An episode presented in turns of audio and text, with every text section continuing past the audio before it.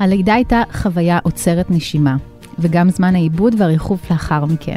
אני עדיין מתקשה למצוא את המילים והסופרלטיבים המתאימים כדי לתאר את האירוע הייחודי הזה. הדוברת היא אורית הורוביץ ברעם, מי שכתבה במדור המשפחה של הארץ בלוג בשם פונדקאית מבחירה, שבו שיתפה בחוויות שלה מהיותה פונדקאית בישראל. בשום שלב לא הייתה בי תחושה שהתינוק שייך לי. לא מיד אחרי הלידה וגם לא בימים שחלפו מאז. ההכנה הקוגניטיבית והמנטלית לצד התהליך הארוך מאוד, עד לסופו המיוחל לסוויד שלהם. אני הייתי תחנת ביניים של תשעה חודשים, וכעת הגיע הזמן של הוריו להתחבר ולהיקשר. ברור שיש לנו קשר מיוחד לפונדקון ולי, אבל אני לא אימא שלו. מאז שאורית כתבה את הדברים האלה, כלומר מאז הלידה, עברה שנה. ובינתיים האופוריה שכחה והתחלפה במה שהיא מכנה השנה הכי מאתגרת בחיים שלה, שבה היא עברה הרבה מאוד שינויים.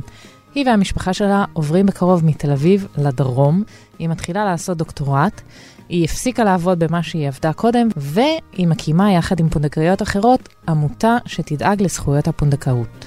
אנחנו נשמע על כל זה מיד. ברוכים הבאים לפודקאסט המשפחה של עיתון הארץ, לה פמיליה. אני נטע אחיטוב, כתבת ועורכת המדור.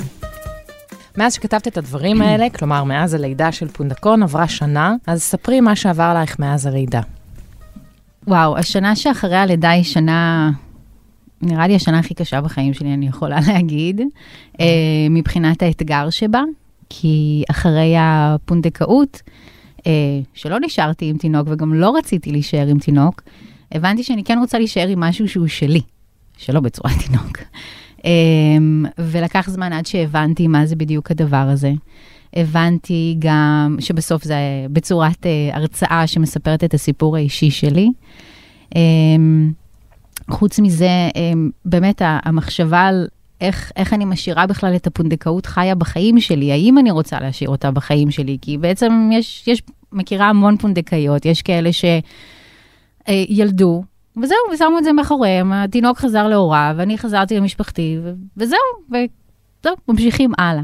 לי זה היה תהליך מאוד מאוד משמעותי, חלק מהעיבוד שלי, של החוויה, זה דרך הטורים שכתבתי, וההבנה העמוקה שלי של כל ההיבטים שיש בפונדקאות, אה, ורציתי שזה יישאר איתי, ואני עדיין רוצה שזה יישאר איתי, אה, ואלה היו הדילמות. לאורך השנה, זה מההיבט הקרייריסטי המקצועי וזה, וחוץ מזה, בכלל, כ- כאישה שחווה חוויה כל כך כל כך עוצמתית עם עצמה, שמחזקת את הביטחון ואת כל מה שאת חשה עם עצמך, אז את כבר במקום אחר, ואת רוצה לעשות דברים אחרים, ואת מרגישה עם עצמך אחרת. אז עשית ממש תהליך. ממש, ממש. עזבת ממש. עבודות, אה, עזבת אנשים שהיו רעילים בחייך. נכון. אה, ואת עוד מעט עוברת למדבר, נכון. כל המשפחה עוברת למדבר, זה נכון. מתל אביב. מתל אביב למדבר, אכן. בואו נוריד את סוגיית הכסף מעל השולחן כבר על ההתחלה, כי אני בטוחה שכמוני, גם אתם בוודאי סקרנים מאוד לשמוע על התשלום שמקבלות פונדקאיות, ומה הן עושות איתו אחר כך. אני לא יודעת אם זה המקום לדבר על האלמנט של הכסף בפונדקאות, ברור. אבל... אני בטוחה שהרבה אנשים סקרנים לגבי תמיד זה. תמיד סקרנים לגבי זה, אבל מה שהכסף הזה אפשר, הכסף הזה הוא לא גורם לך להתעשר, זה מדובר ב-165,000 שקלים, אם מישהו רוצה לדעת את הסכום, אבל הכסף הזה את לא מתעשרת, גם בואו, אנחנו חיים במדינת ישראל, 165,000 שקלים זה סכום יחסית קטן, אם רוצים להשקיע בדברים גדולים, אה, אבל הכסף הזה, מה שהוא אפשר לי, זה באמת את המרווח נשימה הזה, לשבת ולחשוב מה אני רוצה לעשות עכשיו, ולא להיות לחוצה מזה שאני לא מכניסה עכשיו כסף, כי אני עצמאית, ואם אני לא מייצרת עבודה, אז לא נכנס כסף. אבל הכסף של הפונדקאות נתן לי באמת איזשהו שקט נפשי להתעסק בעצמי. אה, וגם חופשת לידה ללא תינוק. וגם כמובן חופשת לידה ללא תינוק, וגם מה, מהכסף הנפלא הזה נסענו למסע משפחתי באפריקה וטיילנו, אבל זה לא רק זה. כי הפונדקאית, יש לה משפחה ויש לה חיים, והיא מגיעה מאיפשהו. היא לא הגיעה פתאום מאיזשהו ריק, עושה ילד, חוזרת לריק. לא, יש לה חיים שלמים. צריך לשמור על הפונדקאית. אה, מתוך היבט מוסרי ואנושי, שזה מה שהיא עושה עבורי, לא משנה כמה כסף אני משלם לה, זה לא רלוונטי העניין של הכסף. גם אם אני משלם לה כסף, אני לא קניתי אותה. כן. אני לא קניתי את הרחם שלה, אני גם לא קניתי תינוק. אני משלם לה כסף כי היא עושה את הדבר הזה עבורי. אין מחיר לחיי אדם, לא של הפונדקאית ולא של התינוק. לא רק על כסף נשאלות פונדקאיות, אלא גם מה עם הבן זוג, איך הילדים שלך קיבלו את זה, ומה עם בני המשפחה. אורית אפילו סיפרה לי פעם ששאלו את בן הזוג שלה, איך אתה מסכים שמישהו ישכב עם אשתך? כי חשבו כמובן שפונדקאות מתרחשת מקיום יחסי מין ולא מתהליך הפריה, כפי שקורה במציאות. אה, את אה, מספרת גם שבני זוג עוברים תהליך מאוד מאוד משמעותי לצד הפונדקאית שלצידם, גם הבן זוג שלך וגם בני זוג של פונדקאיות אחרות שאת חברה טובה שלהן. נכון. אה, ספרי למה זה, הרי בעצם, מה, מה קורה עכשיו, שם? מה שקורה שם זה שבני, פונדקאיות שיש להם בני זוג, כן, יש הרבה פונדקאיות שגם חד-הוריות וכדומה, אבל אלה שיש להם בני זוג, זה שיש מישהו מהצד שחווה את התהליך ליד, לא בתוך מבחינת ההיריון וכל החוויות גם הפיזיולוגיות, הוא כן חווה את זה רגשית, אין ספק, אבל הבן זוג, בסופו של דבר מקבל השראה מהבת זוג, ש... מהבת זוג שלו, ממש ככה. פתאום הוא רואה את האישה שלו עוברת דבר כל כך כל כך גדול עם עצמה, והוא רואה איך זה משפיע עליה. אמ, ואפשר להגיד שהוא רוצה גם, הוא באמת באמת מקבל את ההשראה הזאת. ואז חלק מהתהליך של הרפלקציה אחרי הלידה של הפונדקאות, כי תוך כדי ההיריון והתהליך והניסיונות וכל הדברים, אין לו באמת מקום לבן זוג לעשות רפלקציה. כי הכל ממוקד סביב הפונדקאית, והבריאות, ולסיים את זה בצורה הטובה ביותר. אחרי שיש כבר תינוק שחוזר להוריו, הבן זוג והפונדקאית בעצם נמצאים באיזשהו סטטוס שווה מבחינת זה שהם מתכנסים פנימה וחושבים ורואים, ו- וזה נורא יפה התהליכים שקורים לבני זוג של הפונדקאיות בשנה שאחרי, בין אם זה תהליכים... אה, אה, אה, נפשיים של אה, באמת איזשהו אה, טיפול ודברים שהם פתאום מבינים שהם רוצים לעבור עם עצמם, בין אם זה שינויים בקריירה, בין אם זה שינויים בזוגיות. אני מכירה איזה שלוש פונדקאיות שהתגרשו אחרי כמה חודשים אחרי הלידה, או במהלך השנה שאחרי הלידה, פתאום נפל האסימון שאולי הזוגיות הזאת זה לא מה שנכון לנו עכשיו, ובכלל, נכון לי אה, עכשיו, אה, ועם כל הקושי בלפרק משפחה, הן כן מקבלות איזשהו אומץ לעשות את זה, ואז הבן זוג הוא גם כן שותף כמובן להחלטה הזאת. אה, שינויים מאוד דרסטיים בחיים קורים בשנה שאחרי הפונדקאות, ו- ולרוב לטובה. איך הילדים שלך? כן. אה, מה, מה שלומם בשנה שאחרי? הם גם עברו חוויה... אני, האמת היא, הם לא מזכירים את זה בכלל, בכלל, בכלל. מדי פעם אני שואלת אותם, אתם זוכרים את... נגיד, הייתה לו יום הולדת במאי, אה, הוא חגג שנה, ו... ואז הראיתי להם תמונה בבוקר, אמרתי להם, תראו איזה חמור, ואז מסתכלים עליהם ואומרים לי, מי זה הילד הזה? כאילו, הם ממש לא, בכלל, בכלל לא מדברים על זה. מעניין. אני מדי פעם שואלת אותם, אתם זוכרים אותו, אתם זה? כאילו, כן, זה בסדר. זה... הייתה, היה, טוק, היה טוקבק אחד באחד מהטורים על... טוקבקים. טוקבקים. שאני בדרך, אני מקפידה לקרוא אותם, אבל לקחת את הכל בערבון מוגבה. כן, כדי להישאר בריאה. אמ, ואחד הטוקבקים היחידים במהלך כל התקופה הזאת שכתבתי כאן בארץ, זה היה לגבי הילדים שלי, היה טור לגבי הילדים, שאמרתי את התהליך החינוכי אני וכל זוכרת, זה. ופרסמנו ציור שהם ציירו על נכון, פונדקון. נכון. אמ, ואז אחד הטוקבקים שכתבו שם זה איך את שורטת את הילדים שלך, כי בעצם את מרגילה אותם לחשוב שכשתינוק יוצא מהבטן מוסרים אותו למישהו אחר. ואז זה ההבניה שתהיה להם עכשיו. לא יודעת אם כתב את זה פסיכולוג ילדים או לא, מבחינת ההבניה או לא, לא, אבל גם צריך להכיר ילדים, לא כל דבר נתקע להם אבל- במוח. גם. אה, הם רואים משהו פעם אחת וזהו, נתקע. וגם, כמו שאני הבנתי, כל ההיריון וכל התהליך שהתינוק הזה הוא לא שלנו, אנחנו רק שומרים עליו, גם הילדים הבינו את זה. כלומר, זה שהם ילדים, זה לא אומר שאין להם את היכולת להבין את זה. וכשהוא יצא, כשהוצאתי אותו מגופי והוא חזר להורים שלו, אז זה נראה להם סופר הגיוני, זה לא נראה להם, אוי, לא, מוסרים את אחינו למישהו אחר. לא, זה, הם, בשום שלב זה בכלל לא היה עניין של אנחנו רוצים שהוא יישאר אצלנו, ואז גם כשהוא יצא החוצה, אז גם כן, בשום שלב אף אחד מהם לא אמר לי, יואו, אנחנו רוצים. הם כן הרבה פעמים אומרים שהם רוצים עוד אח, אבל זה היה גם הרבה לפני הפונדקאות, וזה גם עכשיו, ואנחנו אומרים להם ש... גם הילדים שלי אומרים שהם רוצים מאוד אח, ולא הייתי זה פונדקאית. בדיוק, זה משהו רגיל, זה לא ספציפית בגלל שעשיתי את זה.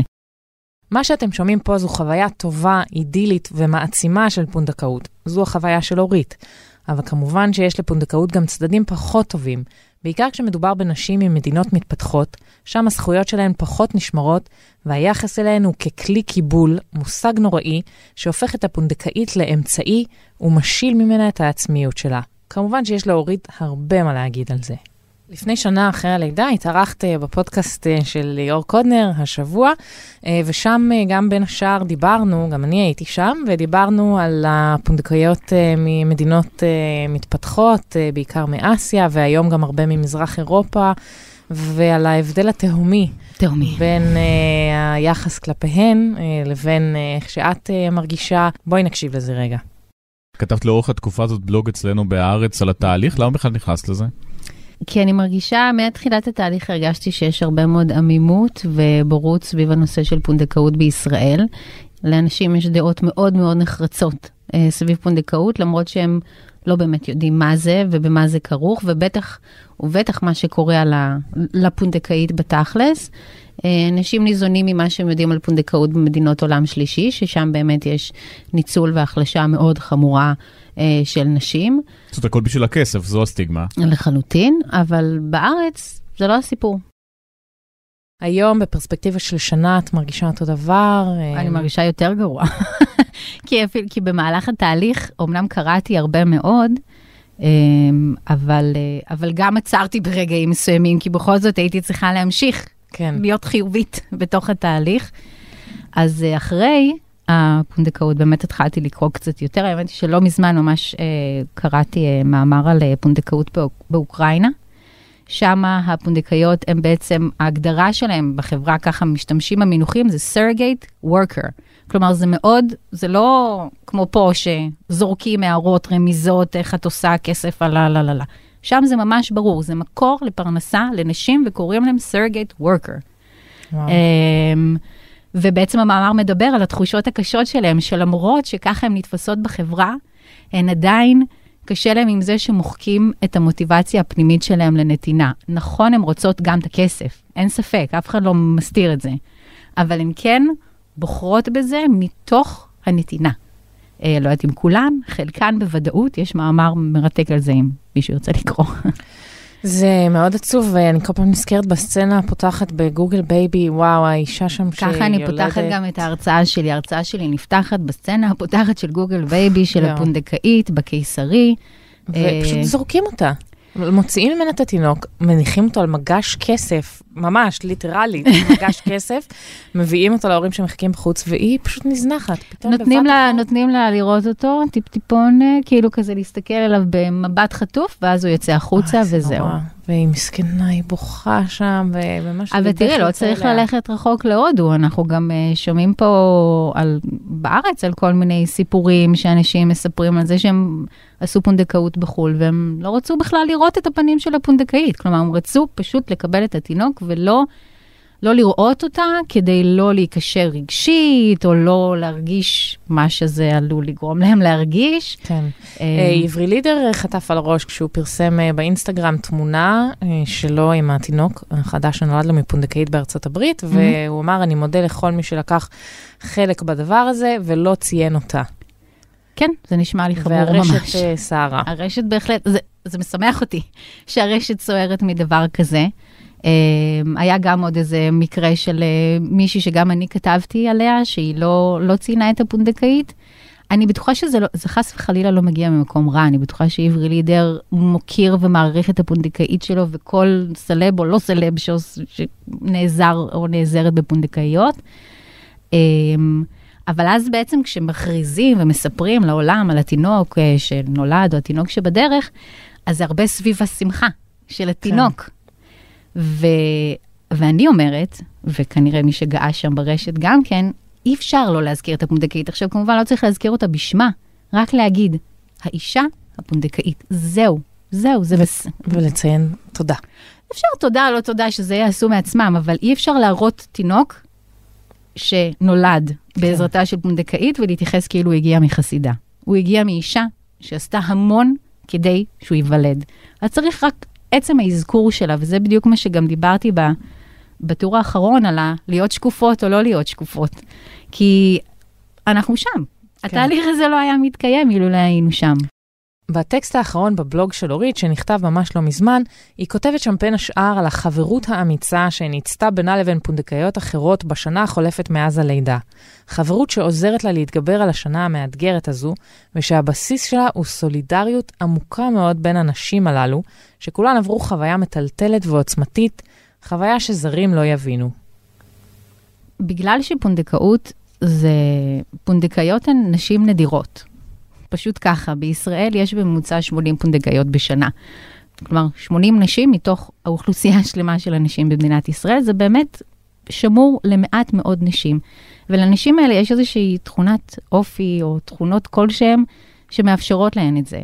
ואז ברגע שאנחנו נפגשות ביחד, הנשים הנדירות האלה, בין אם זה במעגלי נשים שאנחנו מארגנות, ובין אם זה בזומים היום, ובין אם זה בסתם פגישות על קפה, סתם כי אנחנו רוצות לדבר אחת עם השנייה, משהו, משהו מתחבר שם, משהו פשוט מתחבר, ואני, יש לי פונדקאיות חברות שבאמת, אילולא הפונדקאות בחיים לא הייתי פוגשת, מאזורים אחרים בארץ, מחיים אחרים לחלוטין, שבאמת לא הייתי אה, פוגשת כפי הנראה אילולא הפונדקאות. וחשוב לנו מאוד לשמור אחת על השנייה, כי אנחנו מבינות אה, עד כמה התהליך הזה הוא רגיש, וכמה אנחנו צריכות להיות אחת בשביל השנייה, גם בלחזק ברגעים הקשים, גם בלעזור להבין מה אני רוצה מהתהליך שלי, אה, איזה זכויות יש לי, על מה חשוב לשמור. כלומר, חשוב לנו שהפונדקאיות יעברו תהליכים חיוביים, אחת למען השנייה, כי באמת, יש כל מיני דרכים לעבור את התהליך הזה. אז זו העמותה שאתן מתכוונות להקים, עוסקת בעצם כן. בזה, בזכויות הפונדקאיות. בזכויות הנשים הפונדקאיות, כן. הרעיון הוא להקים בעצם גוף ללא מטרות רווח, אה, שמטרתו באמת אה, להיות שם בשביל הפונדקאיות, אה, כי היום אין שום דבר כזה. לא רק על הזכויות של פונדקאיות צריך לשמור, יש עוד קהילה בחברה הישראלית שמופלית לרעה בכל הקשור לפונדקאות. אלה הם גברים שלא רשאים לגשת לתהליך בכלל, מה שהופך אותו זמין רק לזוגות הטרוסקסואלים. לפני שנה, כשאורית התארחה כאן בפודקאסט השבוע, דיברנו גם על זה, זה מה שהיא אמרה אז. כן, הם עוברים אה, תהליך אה, מאוד אה, ארוך ומאוד מרוחק. כל ה... אני חושבת שההבדל המהותי בין פונדקאות בחו"ל ופונדקאות בארץ, זה שפה אנחנו מתנהלים באותה שפה. כולנו באותה, ישראלים. באותה תרבות. אנחנו באמת, אם אישה רוצה לחוות את ההיריון של הילד שלה כשהיא לא נושאת אותו כי אין לה אפשרות, היא יכולה לעשות את זה עם פונדקאית בארץ, היא יכולה לראות, היא יכולה לגעת, היא יכולה לשאול, היא יכולה להיות בלידה, נוכחת לחלוטין. אמ, זה באמת, אה, זה באמת אה, מתנה מאוד גדולה, וחבל מאוד שזוגות הומואים לא יכולים לעשות את זה רק על בסיס זה שהם שני גברים. אז בעצם מה שהשתנה בשנה הזאת שחלפה מאז ששמענו את הדברים, זה שבג"ץ הורה למדינה לשנות את החוק, אבל דבר לא קרה, אנחנו עדיין באותו מצב. מה דעתך על זה? קודם כל, יש פונדקאיות, אני מכירה שאומרות, אנחנו עשינו פונדקאות פעם אחת לזוג סטרייטים. ברגע שמאושר החוק, אם אני עדיין בטווח של הגילאים, כי זה עד גיל 39, אני עושה עוד פעם לזוג הומואים. כלומר, זה מאוד ברור להם, הן לא רוצות עוד פעם לסטרייטים, הן אומרות, אם יהיו הומואים, אנחנו עושות את זה.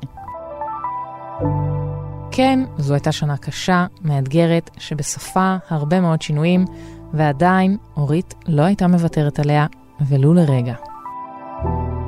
אני אסכם ואגיד שהפונדקאות היא חוויה אה, משנה חיים, אה, גם עבור ההורים המיועדים קודם כל, כי הם קיבלו את התינוק שלהם.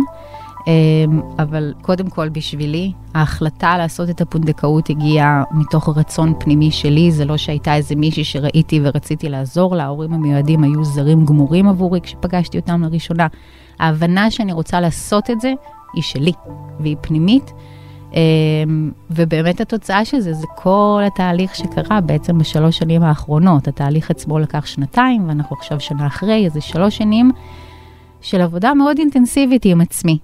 אמ, והיום, ממה שאת יודעת, עם השנה הקשה הזו שהייתה, את עדיין לא מתחרטת. לא, ממש לא. זו שנה של... אה, פעם קניתי בן זוגי מגנט כזה, עם סימן, ציור כזה של אופניים.